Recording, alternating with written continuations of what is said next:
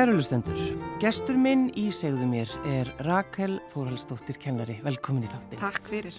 Þú er ekkit alltaf að verða prestur? Herðu, nei, ég, það var einhvern veginn aldrei, aldrei planið, sko. Ég fór í, byrjaði að fara í lögfræði í háskólanum og varð síðan eftir bíæðin, þá tók ég master í kennslu og já, það var einhvern veginn ekki, presturinn var ekki, kom ekki til greina, sko. Nei, ég spyr vegna þess að fóreldraðinu báðir, Engileg og Þorvaldur Heimisson eru prestar, mm -hmm. afiðinn, Heimir var prestur, þannig að þetta er kannski ekki skrítin spurning. Nei, alls ekki sko, ég hérna, eins og ég segi, ég held að það hefur líka bara verið það að maður sér þau eru að vinna um helgar og þau eru að vinna í páskafríum og jólafríum og þá hérna, það var eitthvað, eitthvað, eitthvað sem ég langa ekki að gera. Sko. Nei. Nei, en uh, sko, þú, uh, þú ferði í, í lögfræðina. Já. Fannst þér ekki gaman eða? Jú, jú, það var ekkert eitthvað, það var ekki leðilegt en þegar ég kláraði bíja sko þá bara vissi ég að þetta var kannski ekki eitthvað sem ég ætlaði mér að gera. Nei. og bara eitthvað sem ég langaði kannski ekki að vinna við. Ég fann það bara svolítið einstinni en hérna jújú, jú, það er svo sem svo kannski bara aldrei segja aldrei sko en það var eitthvað sem ég langaði mér að vera með fólki og bönnum og svona. Já, þú ert að kenna fjörðabekk Já. Hafa þínir nefnendur áhyggjur af COVID?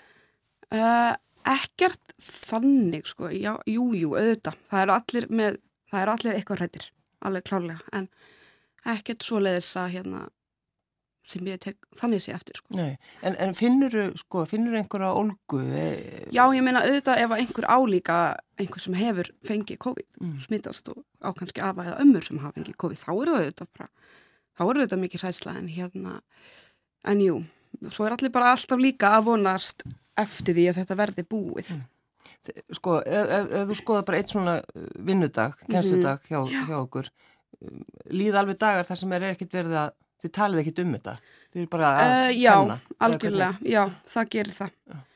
Svo allt innu blossar þetta aftur upp í samfélaginu og fréttirna koma inn og þá, þá er kannski lítið talað um annað, sko. Já, einmitt. Já. Og þú þurfti náttúrulega, skólanum var loka rétt fyrir? Já, á fymtudaginn þá var bara skellt í lág sko. Já. Já. Þannig að uh, það verður vonandi hægt að fara aftur eftir fríð, mm. eftir páskafríð. Já. Rakel, segð okkur aðeins frá því þú fórst í Lás. Herðu, já, það var bara hérna 2019 þá mér langaði eitthvað rosalega mikið að fara til Kína á þessum tíma og ég var alveg fýlitt að sækja um að fá að fara til Kína og ég fekk nokkra vinnur sko. Það er góð tímasetning. Akkurat, nákvæmlega, ég er mjög feina ég fór síðan ekki til Kína en hérna, ég fekk aldrei atvinnulefið sko. Þannig að ég var svona aðfara að gefa upp átinn þegar að ég sé auðlist uh, stöðu í lág sko, Suðurstur Asju og ég sækju um og eiginlega bara í júli uh, þetta ár fæ ég bara svar, bara já, gjörsvel, þú mátt koma. Mm. og ágúst er ég farin. Og hérna já, ég feð með vinkunum minni og við förum að kenna ennsku í, í svona yngareknum skóla í Vientian, höfuborginni sko, bara, bara leiðin þegar þú veist að fljúa þarna í hvað 13 tíma? Já, það var alveg einmitt, fjórst, já, eitthvað svo leið Hugsaður aldrei á tímabilinu hvað er ég að fara út í? Já, sko, jú, ég hafði líka bara ekki tíma til að hugsa þetta. Þetta var bara að það gerði svo fljótt. Og þetta var bara einhvern veginn, það var ekki fyrir en ég var komin búin að vera þetta í einhver tíma sem ég hugsaði, ok, Rækil, þú veist, hvað var stil að gera? þú veist, það var hérna í hitanum, mengunin, menningarsjokkið, auðvitað, því líkt menningarsjokkið faraði út og hérna, þá kom þetta svona á fyrstu tveimur, þreim mánuðum, þá fór ég alltaf inn að hugsa, ok, en svo var þetta bara gegja, auðvitað. Já, þú talar um, um menningarsjokk.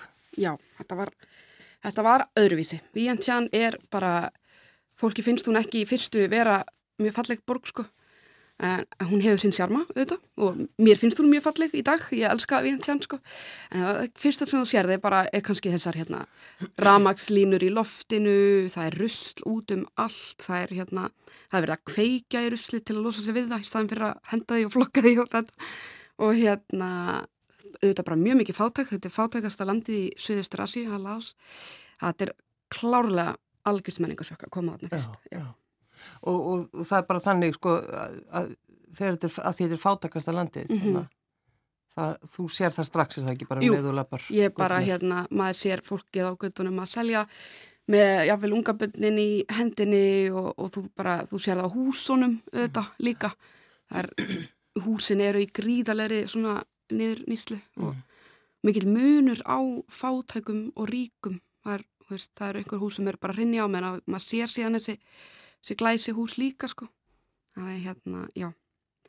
Þetta var algjörst sjokk að koma þarna fyrst en síðan bara fann maður líka bara að vera þarna. Maður fann einhverja fegurð í litlu hlutunum líka og hérna uh, eins og fólkinu. Bara fólkið þarna úti, það vildi allt fyrir okkur gera og þetta er bara eins og ég skrifaði, ég skrifaði bloggum um mjög tíma og ég saði að það væri bara að það væri til ákveðin fegurð hérna í heiminum og, og þessi fegurð er í lás, það er bara, það er bara þannig og í fólkinu í lás bara þannig hérna ég bara byrjaði að elska þessa borg Já. og ég mun klárlega koma aftur Þannig að þú finnir það strax að, að fólk sko það hefur áhuga á því náttúrulega kannski Já. og spyrja mm -hmm. forvitið bara hvað ert að gera hérna Já, og ef þú varst kannski á gödunum og þú varst kannski eitthvað aðeins hérna, vildur eða vissi ekki hvert þú varst að fara eða eitthvað, þá voru alltaf bara þýr komnir sko, byggjum að fá að hjálpa spyrja hvort þið getur hjálpað sko. Og hérna voru bara öll að vilja gerð einhvern veginn. Og það var bara eiginlega fyrsta sem ég tók eftir því að ég var aðna úti. Og þau eru eitthvað svo þau eru bara líka, og svo margir sem voru svona áhyggjuleysir einhvern veginn og bara þetta rettast og það er bara frasi þess að mjög þekktu frasi á lagásku sem að er Bo Pen Yang það er bara svona, þetta rettast Nú bara þetta, eins og okkur. Já, þetta rettast og, og það var bara þannig attitút hjá þeim sko, rosalega mikið. Já, já. en þetta er mjög gott að segja þetta. Já, það er bara einmitt, já, Yang, já, já, já, þetta var alltaf leið En til dæmis sko eins og veitingastæðirinu þannig, mm -hmm. hvernig voru þeir? Þeir voru bara allavega, sko. Það voru ekki þessar, þessar keðjur. Þú finnur ekki McDonalds eða eitthvað þannig í Laos. En þetta voru hérna rosalega mikið auðvitað bara matur frá þeirra menningu. Mm -hmm.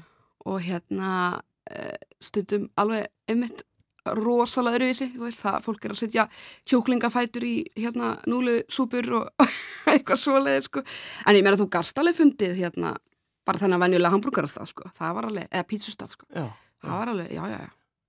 En, en hvað bygguði? Við byggum í hérna, fengum ymbilishús frá skólanum, bara til að vera í, já. bara án þess að borga því að þetta var svona samningur sem við gerðum, þau rettuð okkur uh, húsi og við vorum þar með einni hérna svislenskri stelpu vorum þar þrjár, deildum einu svona húsi saman mm. það var bara rosa flott Og, og hvernig, hvernig var hverfið? Það var öruvísi það var svona hérna já, það var svona svolítið mikið kannski rusla á gödunum og, og hérna það var svolítið öruvísi stemning sko, með að við einhvern veginn í Ísland. Mm.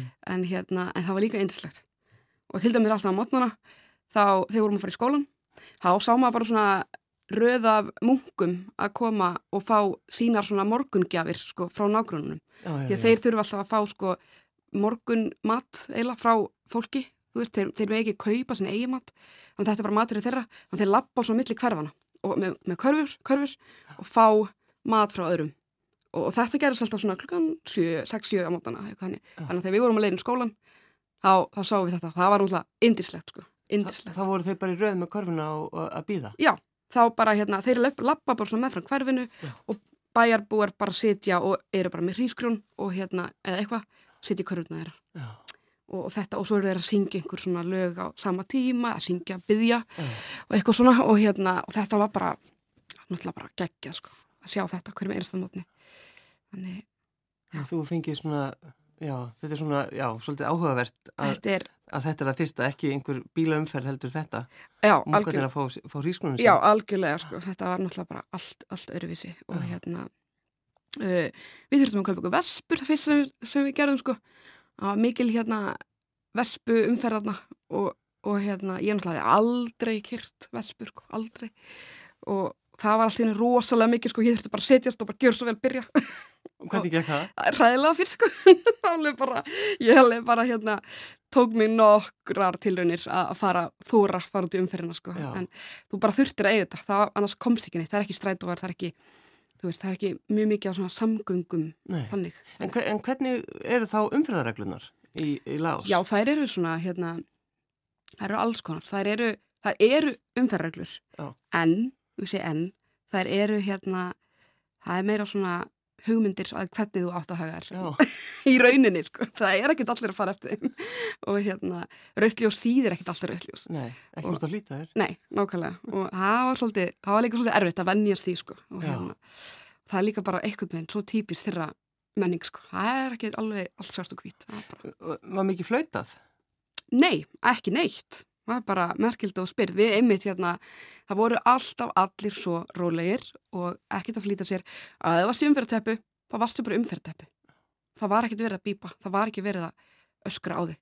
Síðan hérna uh, fórum við til Thailands um jól og hérna fyrsta sem við tökum eftir, við erum í umferð, við erum í leigubíl og það er bípað fyrir ástan okkur og við vorum öll bara býtu, hvað er að gerast?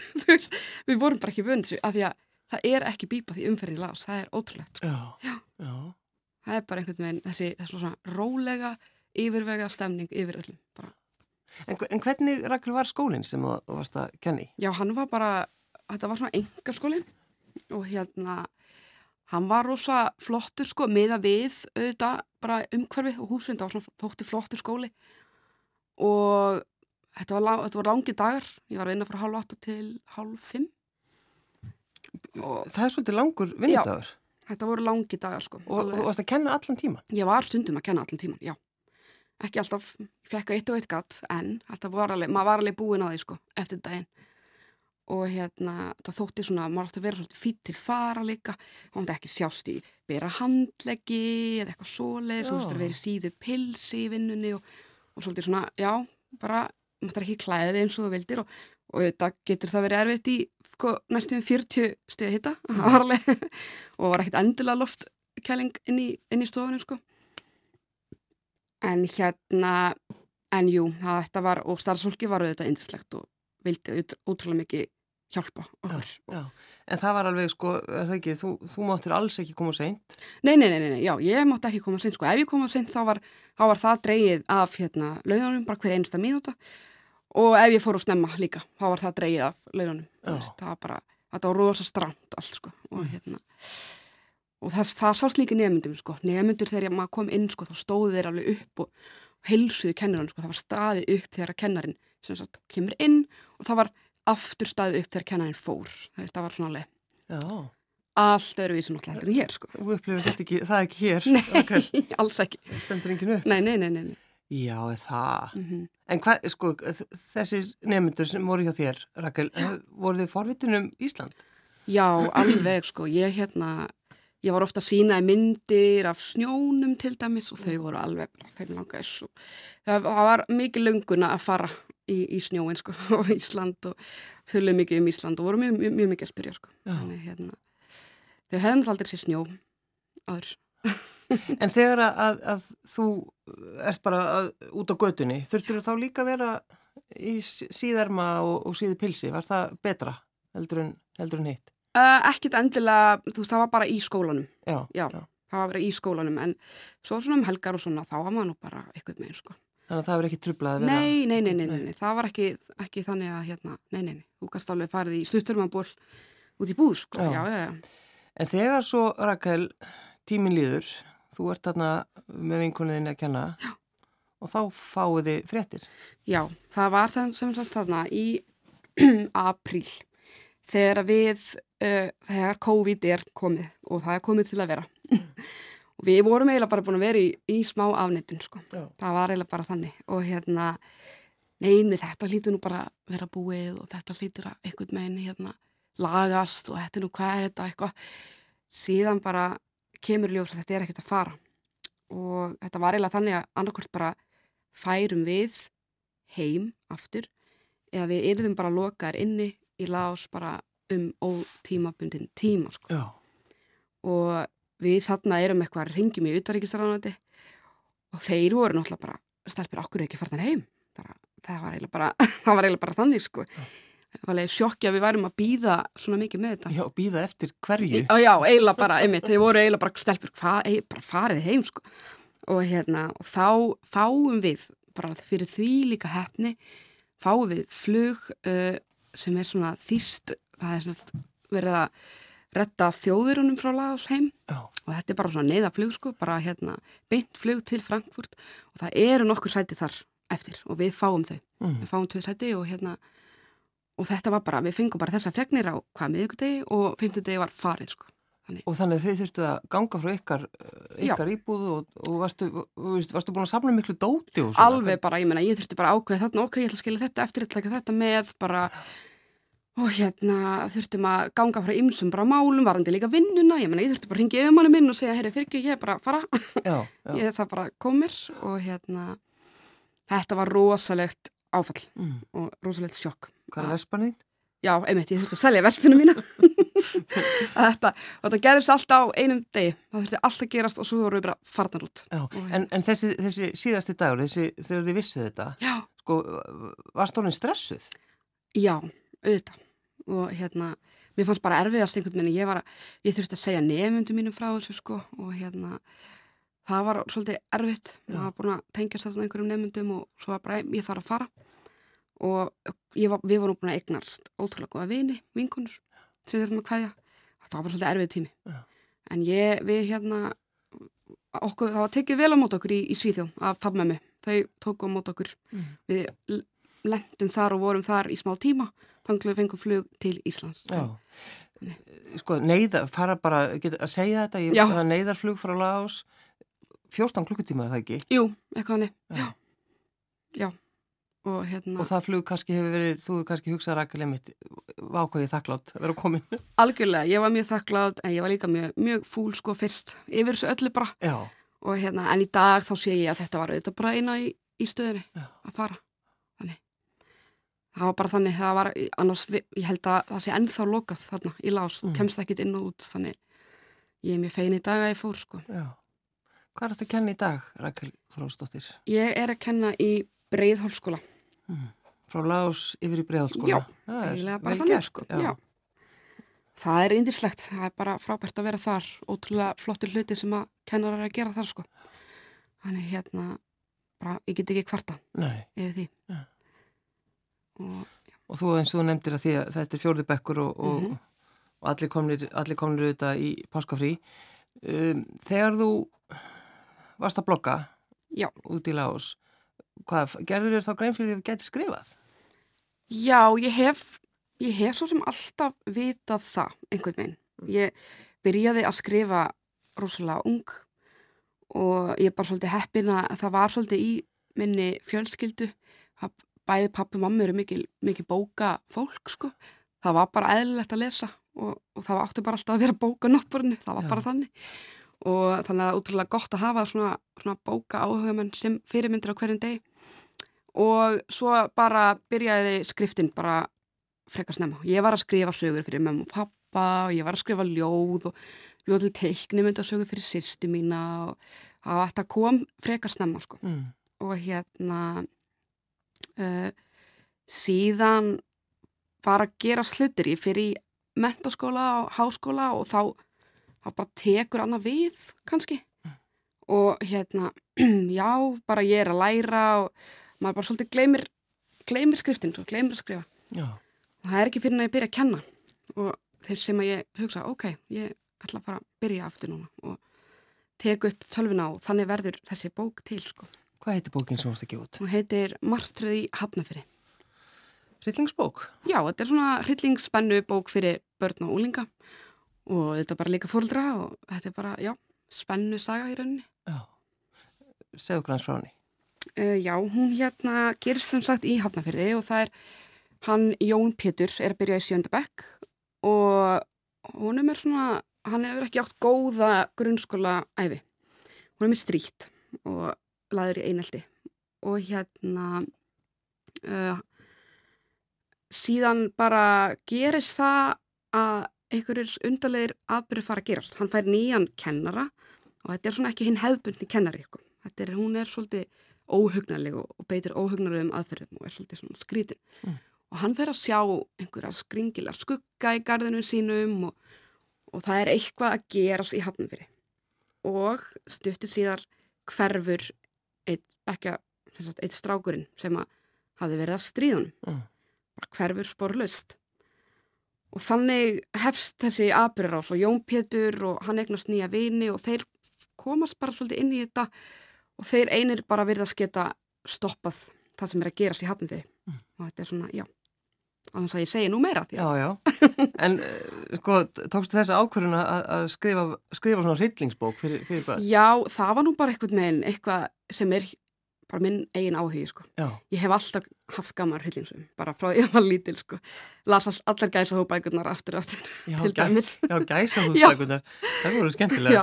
Og hérna, þannig það er nú bara svona, það er bara ég, já. bara minn áhugi. Og, og þetta var komið einhvern veginn til minn þegar ég byrjaði að kenna.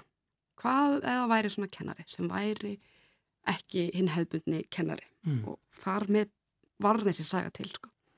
Þannig Erstu komið fleiri hugmyndir? Já, já, já, já, það er aldrei að vita hva, hvað gerist næst sko. Já. En nú er ég bara hérna, bara einbyttum mér að þessu og hún kom út bara hérna í síðustu viku. Gengur rosalega vel, hún var hérna á öðru sæti á metsulista Emsson fyrir barnabækur. Já. Þannig það, ég er bara ótrúlega ánað með allt sko, bara ótrúlega En það. þegar þú sko, tekur þessa ákvörðun Rakel bara að setjast niður og, og skrifa bók Mhm. og gefa hann út varstu sko á, á, í þessu ferli hafður þau svona einhverjar áhyggjur af þessu Auðvitað, og eða kannski efaðist já, já, já, já, og það er ótrúlega erfitt að láta einhvern lesa það sem þú skrifar. já Það er náttúrulega bara ekkert gott grín að sko. já, það er búin að gefa út bók þá Já, einmitt sko, og hérna, það var bara fyrsta skrifið að fá einhvern til að lesa hana. og hver var það? Það var pabbi. Já, svo, já, já, já. Svo var það vinkuna mín og hérna, og já, þannig að það að gefa og sko að senda á útgefanda er líka auðvitað, bara, ok, þú veist, bara stress út af fyrir sig, sko. Og, og svo bara, þeim leið svo vel á það og þetta var bara allt, gekk útrúlega vel í raunni. já, já Þannig hérna, að þetta er langt ferli, þetta er langt ferli og maður er einmitt með þannig Eva allan tíman og þetta er auðvitað fyrsta bókin þannig að það er ennþá meira svona stressvaldur einhvern veginn. Ertu, ertu hissa á því í rauninni að, að þú hafi klárað þetta? Já og nei sko, ég vissi alveg að ég gæti þetta, ég vissi það alltaf og, en já, ég er bara eiginlega hissa á sjálfur mér að hafa hérna eiginlega bara farið lengra með þetta og, og sendið þetta einhvert og, og sé að þetta sé að gera sko, það er það er eiginlega hérna, það er það sem ég mest hissa á sko. Já, já. Þú er náttúrulega, er það ekki, þú ert fætt og uppalinn í, í Hafnafjörði. Jú, akkurat sko. Hvernig var, hvernig var æskaðin þar? Það hún var einmitt, þarna sögursvið í bókinni er bara rosa mikið mínar æsku slóðir og þetta er eins og hraunið í Hafnafjörði.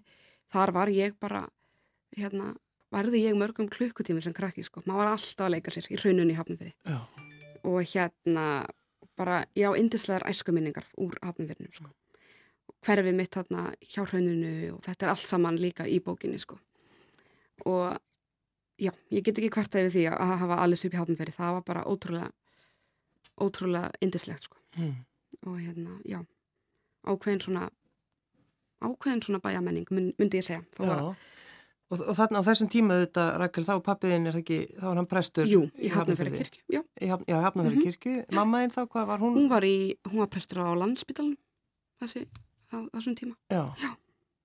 og hérna, Og hvernig var það að vera dóttir pressins? það var bara í raun og veru óskup eðlilegt. Fólk var einmitt að spurja mig mikið sko, sérstaklega því að ég var krakki. Eitthvað svona, já, ertu ekki alltaf að byggja bænirnar? eða eitthvað svona sko. En hérna, það ég sagði alltaf við vorum bara ótrúlega venjulegt venjulegt fólk sko. Og það var alveg, bló, við blótuðum alveg ef einhver misti glasi á gólfið eða eitthvað. Það er ekkert hérna, þú veist vorum bara hinn hefðbundnasta fjölskylda, myndi Já, ég nú segja. En, en eins og afiðin og amma, Mm uh, Heimir náttúrulega var, hér- var hér útastjóri -hmm. og ammaðinn Dóra, hún vann hér líka. Já. Hvernig var svona, hvernig var að- alast upp í kringu þau? það var auðvitað bara al, algjörlega indislegt sko. Amma er náttúrulega bara gullmóli út af fyrir sig og hérna alltaf svo jákvæðið og það, er bara, það er alveg nóg að ringi hana og þeir mun líða betur út daginn, það er bara svo Mm. og hérna Afi var auðvitað mikið skrifandi líka. Og hérna ég hann skrifaði margar sögur til mín og, og ég skrifaði sögur fyrir hann og það var ótrúlega gott að hafa hann líka sem svona fyrirmynd í þessu. Mm. og við hérna vorum mikið á þingvöldum, hann var þar um tíma uh, kirkjuverðir á þingvöldum og hérna það var ótrúlega indislegt á mjög marga góða minningar frá þingvöldum einmitt vera þarna að leika í gardinum þannig að já, Já, já, hann var náttúrulega, var þar alveg einhver tíma, það ekki? jú, jú, jú, hann var alveg hann var þar í einhver tíma Já, já. Já. En um, að því ég spurði þarna fyrst, sko, með, með það, hverju þú f- ferð ekki í prestin, en það eru þetta engin, þú veist, af hverju þarf maður að gera það sama og... Algjörlega, sko. Ég held að gæti líka bara verið þannig að þú sérð þegar fóreldrinir eru báðir að gera eitthvað þá kannski viltu bara fara. Já, Það er bara, en hérna, en þetta einhvern veginn kom aldrei í huga minn, sko.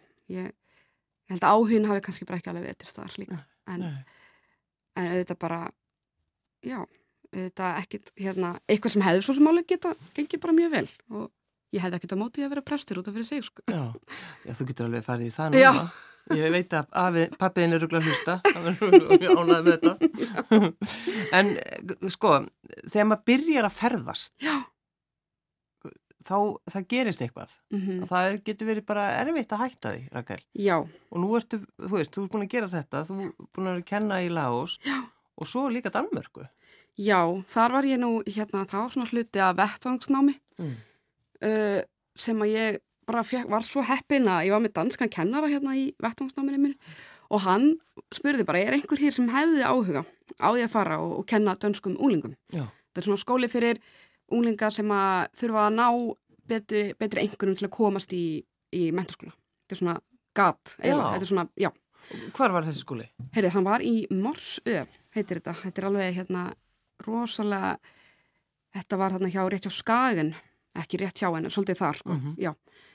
Uh, þannig að þetta var svolítið lengst, lengst, lengst í burti. Já. Þetta var ekki bara í Kaupmannhöf sko, ég, þau veit, og rosalega langt ferralag að komast þanga. Uh, og ég bara sló til, ég hugsaði, ok, af hverju ekki, og, og fór einn, það var ekki, það var enginn sem hafi áhuga að fara með mér, þannig að ég fór bara einn. En ég grætti bara hellinga á þessu sko að vera þarna og hérna sjá svolítið hvernig þetta skólakerfi var, þetta var alltaf öðruvísi Mm. Hvernig þá? af því að þetta var svona ekki einn hefðbyrni grunnskóli, þetta var svona eiginlega 11. bekkur rauninni eftir tíunda bekk sko, þú veist, þetta eru krakkar sem að þá þurfa að ná upp kannski starffræði einhvernig sinni eða ennsku einhverninni og, og eru þarna til að gera það Já. og svo Kanski, kannski krakkar sem halda þau e, get ekki hlutina, var Já, það þannig? alveg, alveg fullt af, af þannig krökkum líka sko Já. og hérna og maður var bara, þetta var bara ótrúlega áhugavert og maður var bara að hjálpa og, og reyna að hvetja þetta og gera hlutina spennandi og ég var að kenna ennsku Já. þannig að ég fekk svolítið frælsi þar til að reyna að draga fram áhugan sko með ennskuna Mm. og þetta var líka krakkar að koma frá ýmsum löndum sko, þetta var grænland, rosa mikið grænlendingar og líka einhverju krakkar sem kom frá flóttalöndum sem að voru að koma hana uh, sem að hefði fengið að koma til Danmarkur og að þetta var svona ótrúlega mikil reynsla að vera þarna og En, en þegar er svona mikill þetta menningamunur á nefndunum, hvernig gekk það fyrir sig Rakel? já það var nú eiginlega það var svolítið þannig að ég tók alveg eftir að grænlendingarnir voru allir saman og, og dönsku krakkarnir voru allir saman og það var svolítið þannig, til miður um, þau þetta töluðu sitt eigið tungumál og hérna það myndaði svolítið mikið svona hópa, hópa myndum þarna sko alveg alveg klárlega Já. um, Var, var það eitthvað vesen? Nei, ekki, ekki sem að ég sá. Nei. Ekki þannig. Þetta var bara greinilega, þau vildi bara vera í sínum þæginda ramma Mm. með þeim sem töluðu sitt eigið tungumál. Og hérna, en við reyndum nú ofta að gera eitthvað með þeim líka á kvöldin. Það var líka svona starfsemi sem fór fram á kvöldin, svona eins og félagsmýrstu og þannig. Þá var reynd að skella í söngakeppni eða hort á mynd eða ping-pong mót eða eitthvað svona til að reyna svona að hrista, hrista hópana saman. Sko. Já. Þegar það, þú ert, ert þarna, sko, hugsaður, já, ég geti, hugsa mér að bara vera hér og, og kenna. Algjörlega. Þetta var ótrúlega svona, það var einhver ró yfir þessu. Ég veit ekki, ég get ekki útskýrt það öðruvís. Það var einhvern með kennararnir voru svo slakir og nefndunni bara báru svo mikla verðingu fyrir kennarunum. Þetta var einhvern með þannig líka, sko. Já. Þetta var ótrúlega, ótrúlega þægileg upplifun. Eina er að þetta var svolítið langt í burti. Það, þú skreppur ekkert neitt, sko, þarna. Nei, nei. Þetta var alveg þannig. Þú þurfti að taka þrjá rútur, sko, í einhverja klukkutíma til að koma svo flugvell og, og hérna, Og Hvað var þetta, er þetta bara svona einhver lítill bær eða? Já, þetta var bara, ég veit ekki hvað, veist, hvort, hvað margi bygguð þarna en þetta var alveg pínu, pínu, pínu lítið sko. Tektu allir alla og, já, og svo leis. já, já, já, já, og, hérna, en ég væri til að upplifa eitthvað svona aftur en kannski ekki þarna, Nei. það var svolítið langt í burtu. En að, að því voruð að kenna ennsku, hva, hvað var það þá sem þú lagðir áherslu á? Það var bara, hérna, tók fyrir eitthvað Fyrir utan málfræðina? Já, einmitt, einmitt, það var hérna tekna fram einhverjar sögur og ég var úr mikið til dæmis að tala um hann hérna Nelson Mandela.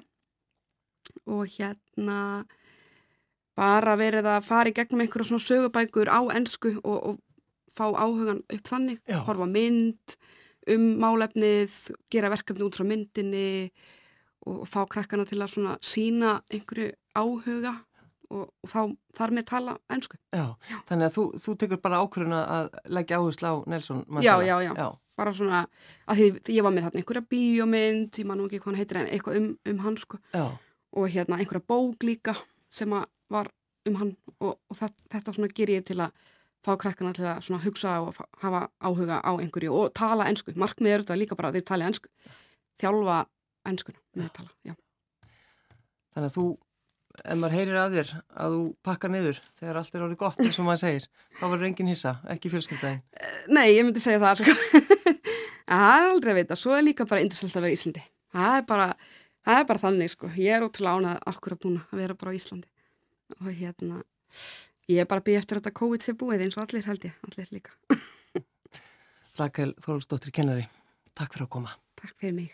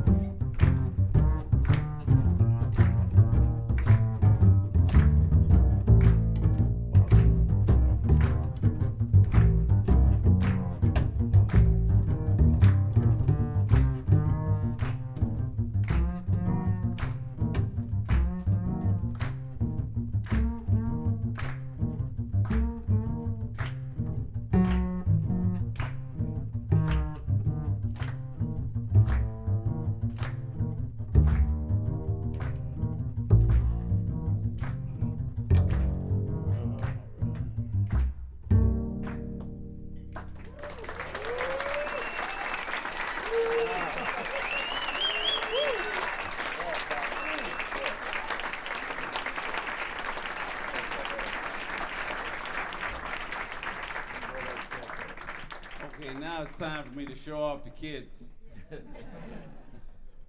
I'm gonna start with Little Monster.